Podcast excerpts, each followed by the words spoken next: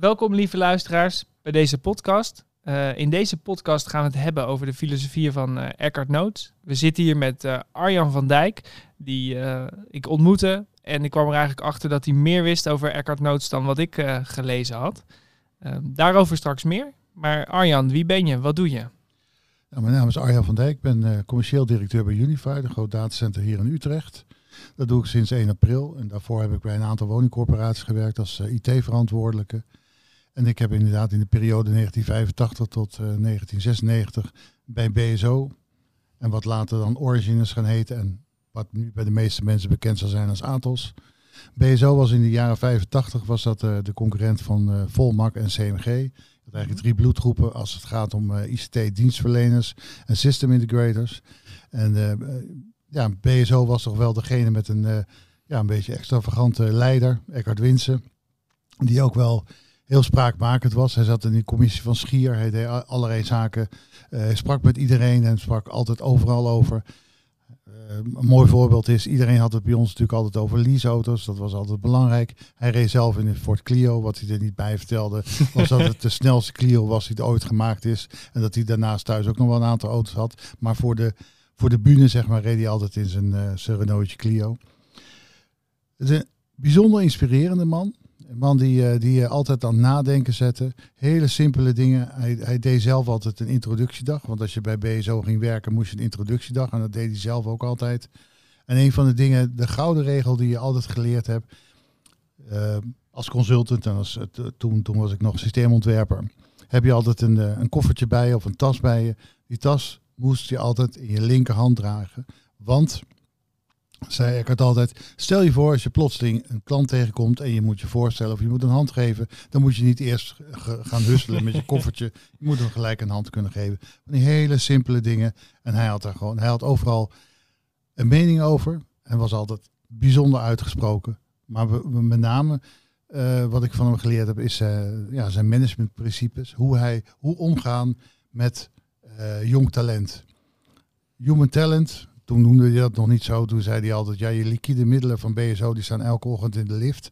Dat waren gewoon de mensen die van en naar hun werk gingen. Human Capital, Human Resource Management bestond nog niet. Het heette gewoon nog personeelszaken.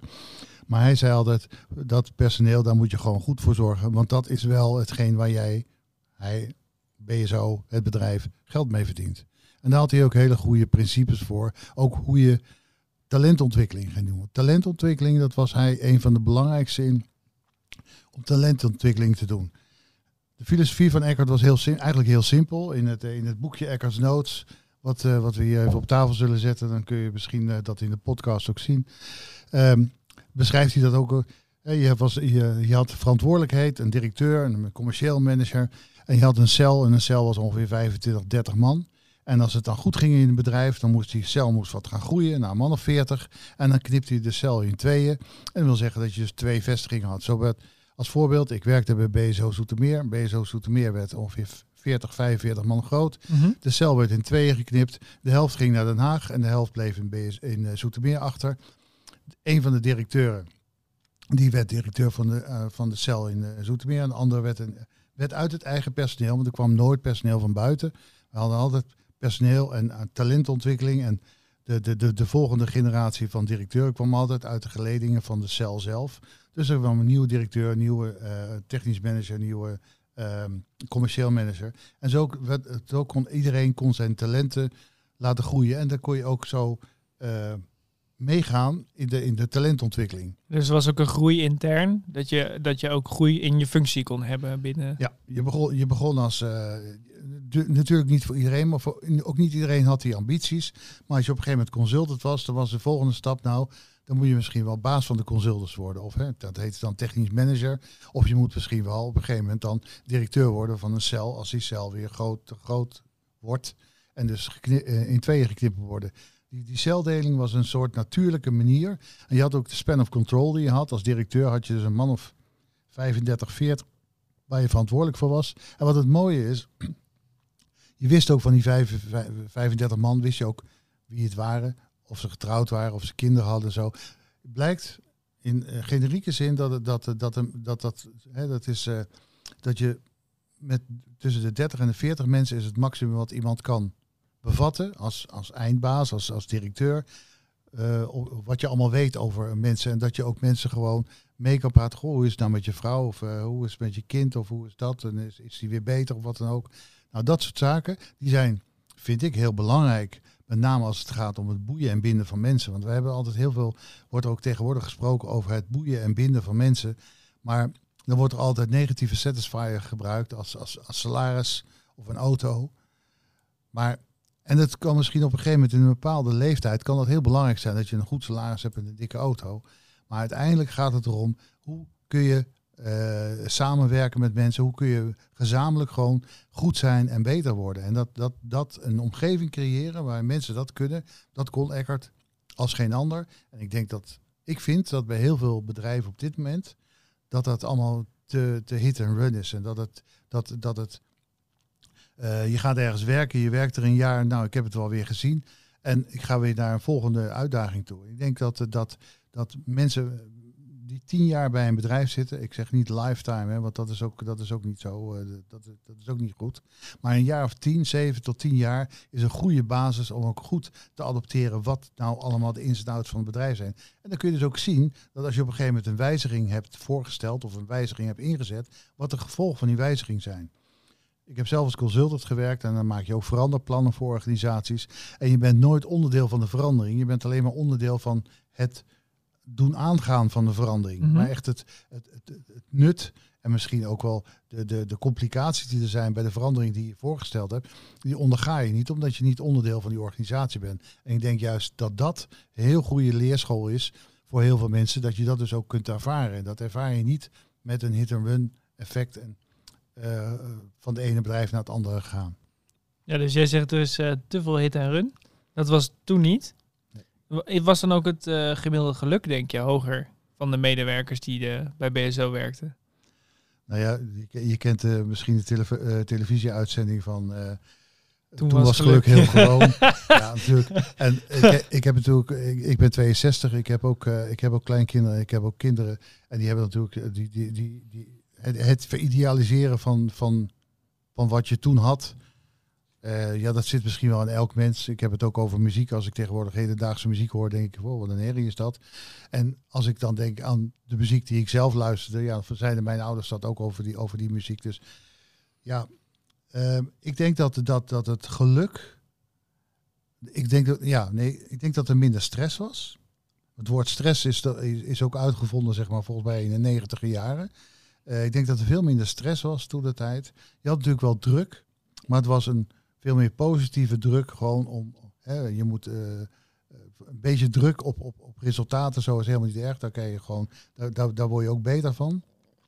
Maar echt druk opvoeren tot het stress werd en dat het echt eh, beursgevoelig, omdat je voor een beurs, beursgevoelige organisatie werkt of wat dan ook. Dat soort zaken, die waren er toen nog niet. Een stuk relaxter, zelfstandiger. We doen het op onze manier. Je kon ook heel rustig zeggen, wij doen het gewoon zo. Kijk, Volmak doet het op die manier, zeiden we altijd. Nou, wij doen het op deze manier. En we verdienen daar een goede boterham aan. En we hebben daar gewoon een, goed inkomen aan. En we hebben een goede, eh, goede organisatie. 15, 1600 medewerkers eh, toen de tijd. Ja, later is er een deel van Philips ingestroomd. Van de, van de BSO uh, PAS-organisatie, Philips Applications Software Service. En later nog de CNP-organisatie. Ja, toen werden we ineens een wereldwijde organisatie van misschien wel 15 of 20.000 man. Toen was die hele filosofie die we opgebouwd hadden, die ook in dit boek beschreven staan, die was er toen helemaal niet meer. Toen was het gewoon een bedrijf als Capgemini, als Logica CMG of als andere. Toen was er niet echt meer een verschil tussen de een en ander. In mijn tijd zag je echt, je had echt typetjes, dat waren CMG'ers. Je had echt typetjes, dat waren de, de, de strebertjes, dat waren vaak volmakkers. De mensen met een pak, dat waren vaak de, de CMG'ers. En de mensen die wat extravaganter waren of die net iets, net iets anders waren, uh, dat, die werkten bij BSO. Ik had in, toen de tijd om een sollicitatie, ik had met Eckhard Wins had ik een sollicitatiegesprek. En hij uh, zegt, joh, ik heb maar tien minuten tijd en uh, ik wil even kennis maken en ik vind het altijd wel leuk om nieuwe mensen te zien. We hebben anderhalf uur met elkaar zitten praten en dat was zodanig inspirerend dat hij zelf ook, oh ja, maar kom je nou hier werken of niet? Want ik wil het wel eigenlijk weten, want ik vind het wel leuk om, uh, dat je hier ook komt werken. Nou, zo...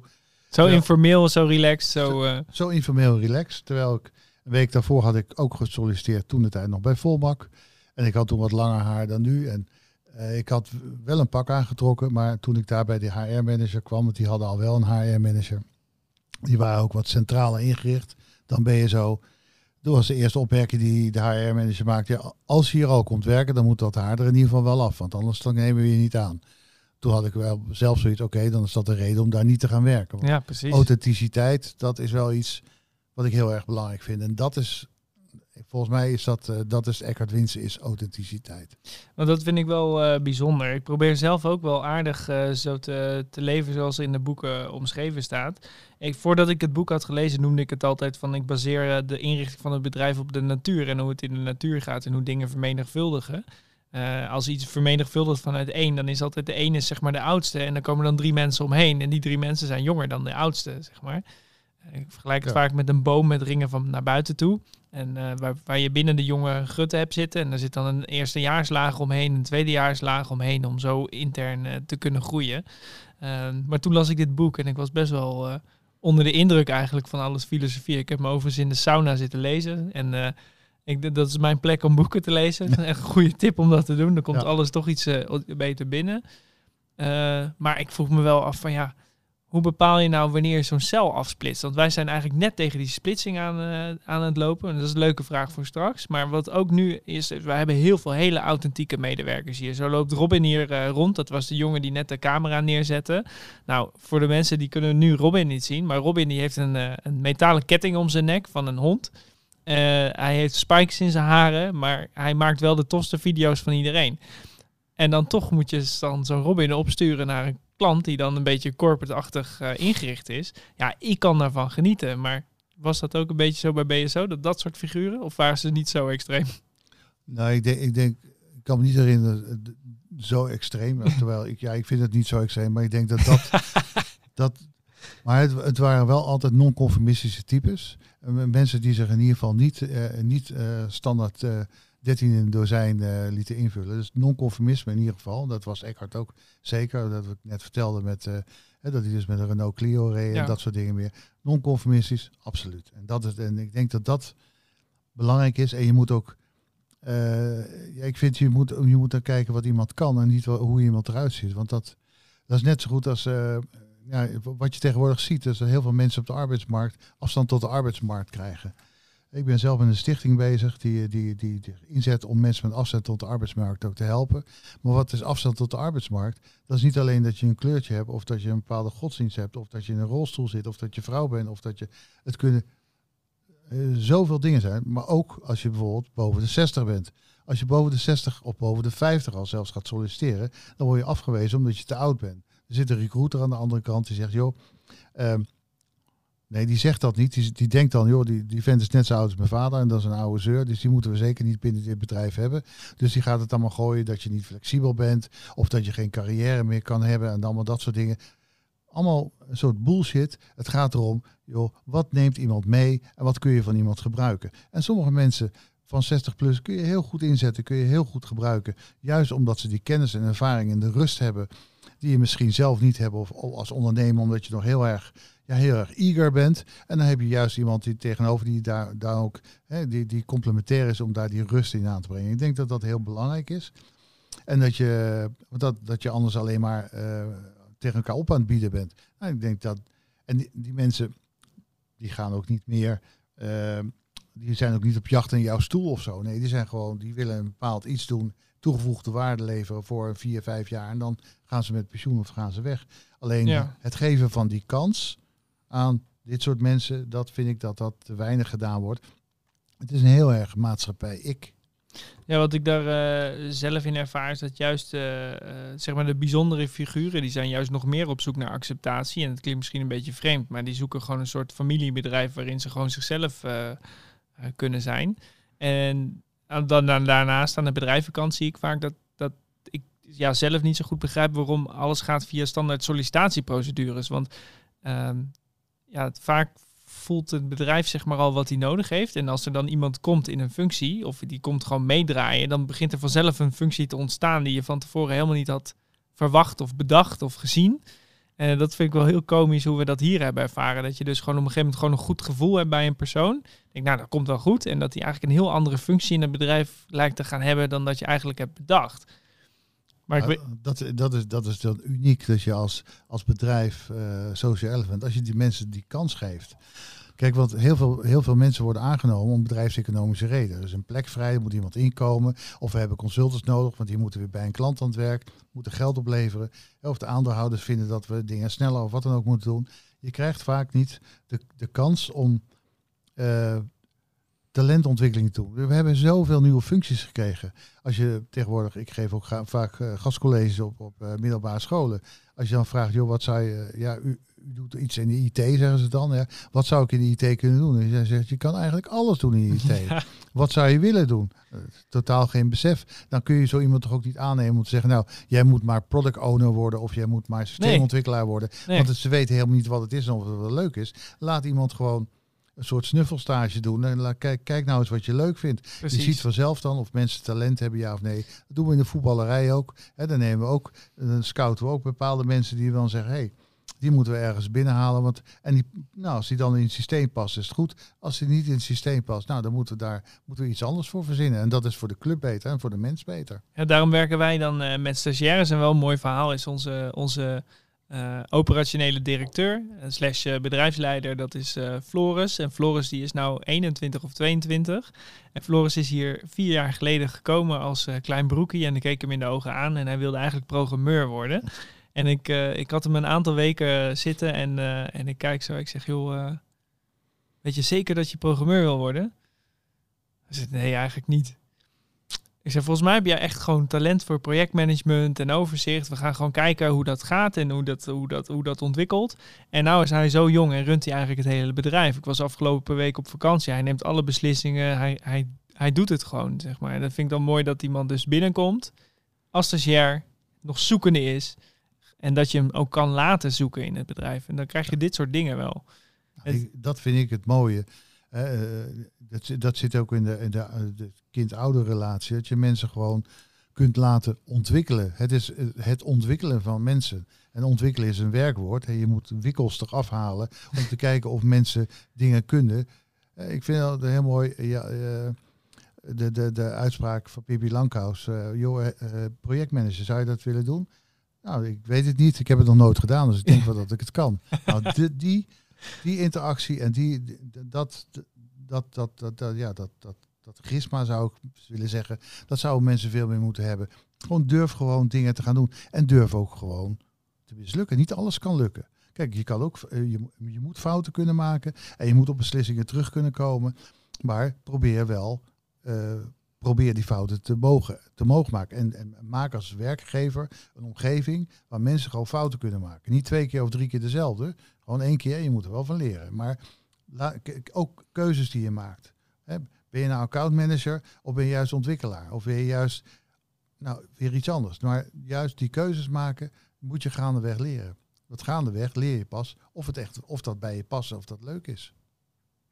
Ja, En Die, als je dat als werkgever kan doen, dan ben je volgens mij bezig echt met talentontwikkeling en met binden en boeien van mensen. En dan, dan hou je de mensen ook vast en dan gaan mensen ook voor je door het vuur. En dan hebben ze ook zoiets van, kijk, dan, dan, dan heb je ook dat je op een gegeven moment zegt, nou, ik kan best op vakantie, want ik weet gewoon dat het bedrijf wordt gewoon gerund door professionals. Die gaan gewoon in de lijn van mijn gedachten of in de lijn van wat we hun afgesproken gedachten. hebben, Ja. gaan ze verder. Maar wel zoals we het met z'n allen bedoeld hebben. Dat moet natuurlijk wel. Ja, dat is eh, wel van belang. Nu zijn er best wel veel eh, bedrijven op dit moment best wel hiërarchisch ingericht. Ik zie best wel, ik kom veel bij organisaties dat wel top-down is ingericht. En die zeggen dan ja, we willen innoveren. En dan denk ik, ja, eh, filosofieën zoals bij BSO was, kleine teams, weet je wel, die elkaar kennen, die kunnen innoveren, die kunnen met elkaar aan de slag gaan.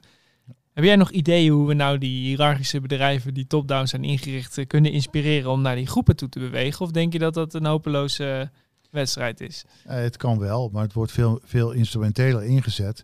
Ik vind dat, dat, dat, dat, dat eh, je noemde net eh, natuurkunde. Hè. Ik denk dat ecologisch gezien, Eckhart had het gewoon op, een ecologische manier gewoon ingericht. En dat was echt een natuurlijk proces. Tegenwoordig proberen we dat ook wel. Dat doe je dan met scrum teams. En je gaat dan agile werken, weer, weerbaar, wendbaar zijn. En dan ga je scrum teams maken van, van mensen die met elkaar een bepaald een bepaalde sprint moeten afmaken. In feite heb je daar wel een vorm van binden en boeien en van met elkaar samenwerken. Maar ik vind het heel instrumenteel. Het is gewoon, het is voor de duur van de sprint of voor de duur van eh, het aantal sprints wat je met elkaar doet. En daarna valt het team ook weer uit elkaar. dit is niet. Uh, Op ja, cultuur gebonden? Het is niet, nee, het is, dit is echt het is, het is ontwikkelgebonden. Het is voor een, het maken van een ontwikkeling van A naar B. En in die van A naar B gaan hebben we gewoon gekozen voor, in plaats van de watervalmethode, gaan we het dan agile doen. En gaan we met korte sprints werken, zodat iedereen goed aangehaakt blijft. Nou, voor, de, voor die time being heb je dan daarmee wel zo'n zo'n ja, instrumenteel team gecreëerd. Maar ik denk daarmee, daarmee, daarmee, daarmee heb je niet het binden en boeien zoals je. Uh, want waarom zouden ze dan datzelfde niet gaan doen bij een ander bedrijf? Het gaat juist om dat mensen uh, zeg maar de haarva in de haarvaten van je bedrijf zitten en dat ze zoiets hebben. hey, dit is een gaaf bedrijf. Uh, Jacques Zwart, Ajax. Dat is Mr. Ajax. Waarom is hij Mr. Ajax? Hij heeft nooit een andere club gehad. Hij heeft best wel aanbiedingen gehad. Hij natuurlijk, hij zat ook in, wat waren wel andere tijden van voetbal. Tegenwoordig is het, gaat het echt om, om, om miljoenen. Maar toen de tijd, hè, Cruijff was eigenlijk de eerste speler die toen voor, voor veel geld wegging. Maar hij was gewoon heel consequent. Zo heb je in Italië en Spanje ook een paar van die voetballers. Die hebben hun leven lang bij Barcelona, bij Real Madrid of bij AC Milan gevoetbald. Nou, dat... Die binding. Die, die binding, nou dat, dat is de, denk ik ja, dat is een beetje de, dat is wel de oude stempel. Want het is ook daar in de voetballerij is het hit and run. Kijk even naar het oude Ajax of het oude Ajax van vorig jaar. een paar goede spelers die zijn eigenlijk net hebben ze één, anderhalf jaar goed doorgebroken. En de licht en de jong. En die gaan alweer voor, voor, voor bedragen. Onwijze bedragen van 80 miljoen gaan ze dan weer weg. En gaan dan ergens anders.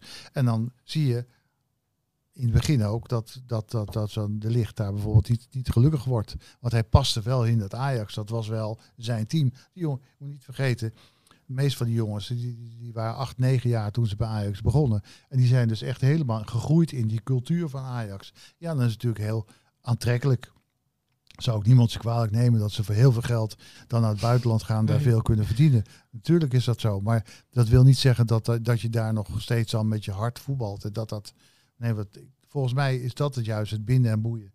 Nou, en dat is tegenwoordig in de, in de bedrijven, multinationals of andere bedrijven. Alles is gericht op maximalisatie van winst. Er zijn nog maar weinig mensen die echt, behalve de organisatieadviesbureaus, want die doen organisatie en talentontwikkeling als dienst. Maar voor de rest zijn er maar heel weinig bedrijven die echt uh, het menen met organisatieontwikkeling, talentontwikkeling en dat soort zaken. En uh, qua, qua uh, vergoedingen was het ook zo dat, want ik lees wel eens zo'n Ricardo Semler bijvoorbeeld. Die heeft dan echt dat, uh, dat mensen hun eigen salaris bepalen. Is dat, was, dat, was dat ook bij BSO? Nou, dat, dat, dat, dat, dat de, de, de, de, de, de Ricardo Semler, hè, de Semco-stijl, dat was wel dat was wel onderdeel van, van, dat staat ook een keer in het boek beschreven.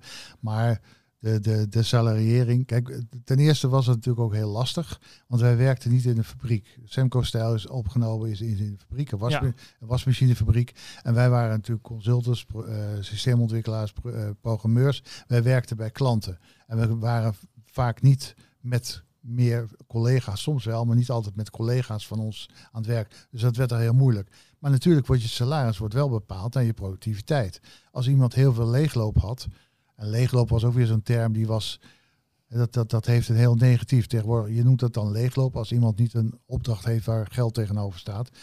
Eckert was ook een van de eerste die heeft dat genoemd. Dat ze, waar allemaal vippers. Jullie zijn vippers. Vrij inzetbaar personeel. Gelukkig hebben we een aantal vippers. Want als er dan een klant langskomt, dan kunnen we een van onze vippers gebruiken om bij die klant aan het werk te gaan. Dat is een hele positieve benadering. Terwijl als iemand zegt, hij, zit, hij of zij zit in een leegloop, dan heeft dat een heel ja, dat heeft een heel negatieve uitstraling. Bijna alsof je daar niet mag zitten. Precies. Dus, maar de, de, de, je, je, je, je salarisontwikkeling, dat, dat, dat, dat hield natuurlijk wel stand. Hoe, hoe makkelijk en hoe goed ben je verkoopbaar? En als jij op een gegeven moment een opdracht had gedaan bij een klant en je had ook zelf weer gezorgd voor een vervolgopdracht of een opdracht bij een andere klant, of, hè, dan was jij natuurlijk veel makkelijker inzetbaar en dus productiever en je, je verdiende dus meer voor het bedrijf. En dat kwam dan ook terug naar jou. Want je, je jaaromzet werd bekeken. Dan keek de, dit, is, dit is wat je gedaan hebt in jaaromzet. En dit is wat, uh, wat, wat daar dan tegenover staat. Ik heb bijvoorbeeld in, in, vier jaar tijd, ik heb een periode 1990 tot, uh, tot 94, vier jaar in vanuit de BSO Den Haag, want daar werkte ik en daar woonde ik toen nog, gewerkt eh, bij, bij de Postbank in Leeuwarden. Dat ging dus elke dag op en neer. Vier dagen, vijf dagen in de week. Soms had ik een afspraak in Den Haag. Stuk, dat kon toen nog redelijk filevrij. Dat ging redelijk goed. Maar ik had daarmee ook zoveel uren gedraaid. Ook, ook productieve en billable uren. Dat uh, toen ik daarna een discussie aanging of ik een... Uh, ik wilde een MBA-opleiding doen. Ik was toen tegen de 40 en ik wilde, ik had zoiets, nou, ik wil nog één keer een gerenommeerde goede opleiding doen en dan moet ik dan op kunnen teren tot mijn pensioen. En uh, ik heb toen op kosten van BSO en op kosten van de, de, de, de, tijd en geld van BSO heb ik een tweejarige MBA-opleiding mogen doen. Nou, dat staat er dan tegenover. Niet dat iedereen binnen het bedrijf een MBA-opleiding kan doen, dat kun je niet betalen en dat, is, dat gaat ook niet. Maar als jij dus uitzonderlijke zaken had gepresteerd voor het bedrijf, stonden daar ook dit soort zaken tegenover. En wat zijn nou echt inspirerende voorbeelden die je kan herinneren? Nou, weet je, ik, ik, vind, ik vind, vind al een heel mooi voorbeeld. Uh, we gingen toen ook, uh, het was ook uh, de, de, de, ja, de slag om talenten. we moesten mensen gaan binnenhalen. We, we moesten nieuwe, nieuwe medewerkers hebben. Je moest mensen enthousiast maken voor je bedrijf. We hadden toen nog banenbeurs en dat soort dingen waar je op stond om uh, mensen enthousiast te maken. Ook schoolverlaters enthousiast te maken. En er werd ook aan personeel gevraagd. Joh, als je nou mensen hebt in je kenniskring die handig zijn met IT en die er wel wat voor kunnen. Laat ze rustig solliciteren en dan kreeg je dan ook een aanbrengfee. Ik geloof dat het toen duizend gulden was of zo. En, uh, maar de, de, de historische woorden van Eckhart was ook zo van... Uh, uh, ik vroeg toen aan Eckhart, ik, werkte toen twee jaar bij het bedrijf. Ik zeg, je ook een goede vriend van mij, die zou hier best willen gaan werken. Ik heb hier zijn cv en zou je die een keertje willen spreken? Hij zegt natuurlijk wel, maar waarom is dat nodig? Nou ja, ja goed, jij bent de baas, dus jij moet bepalen of hij of binnen mag komen, ja of nee. En eh, zijn, zijn, zijn, ik vond het wel legendarisch. Hij zegt, jongen luister, het is toch heel simpel. Ik ben geen klootzak en jij bent geen klootzak. En samen zorgen we dat er geen klootzakken hier komen werken. dus als jij tegen mij zegt dat hij hier moet komen werken, dan geloof ik dat. Prima, heb ik geen cv voor nodig, zei hij toen. Nou, ik denk, dat is dus dat is een, een, een basis voor je bedrijf maken waarbij dat vertrouwen optimaal is, waarbij iedereen ook zoiets heeft. Dan ga je dus inderdaad ook geen klootzak aannemen, want dan, dan bedenk je je wel drie keer. Want dat heeft ook een uitstraling op jou dan. Dus nou, zo werkt het en dat werkt echt. Perfect. Dus het gaat eigenlijk om het vertrouwen in de mens.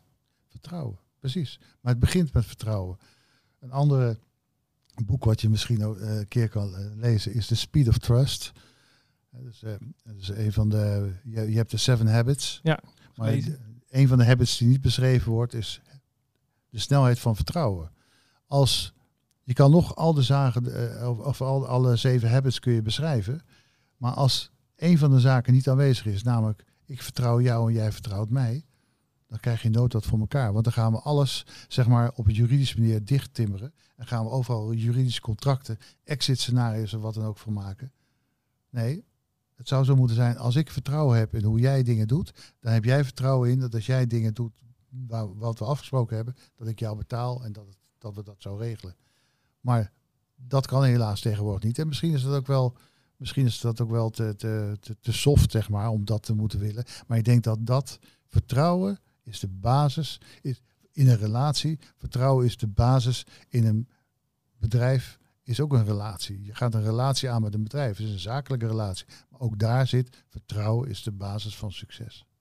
Ik heb soms ook wel een beetje het idee dat de Nederlandse wetgeving daar wel een beetje een uh, moeizaam in is. Ik bedoel, je, je kunt als werkgever eh, vertrouwen hebben in een werknemer, maar uiteindelijk is de werknemerspositie best wel sterk. Ja. is geen beklacht wat ik wil doen, hè, absoluut niet.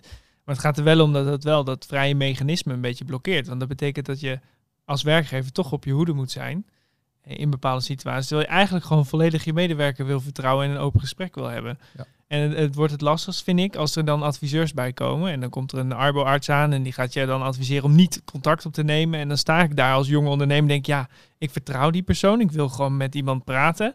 Maar mijn arboarts zegt dat ik geen contact mag hebben. Wat doe ik nu?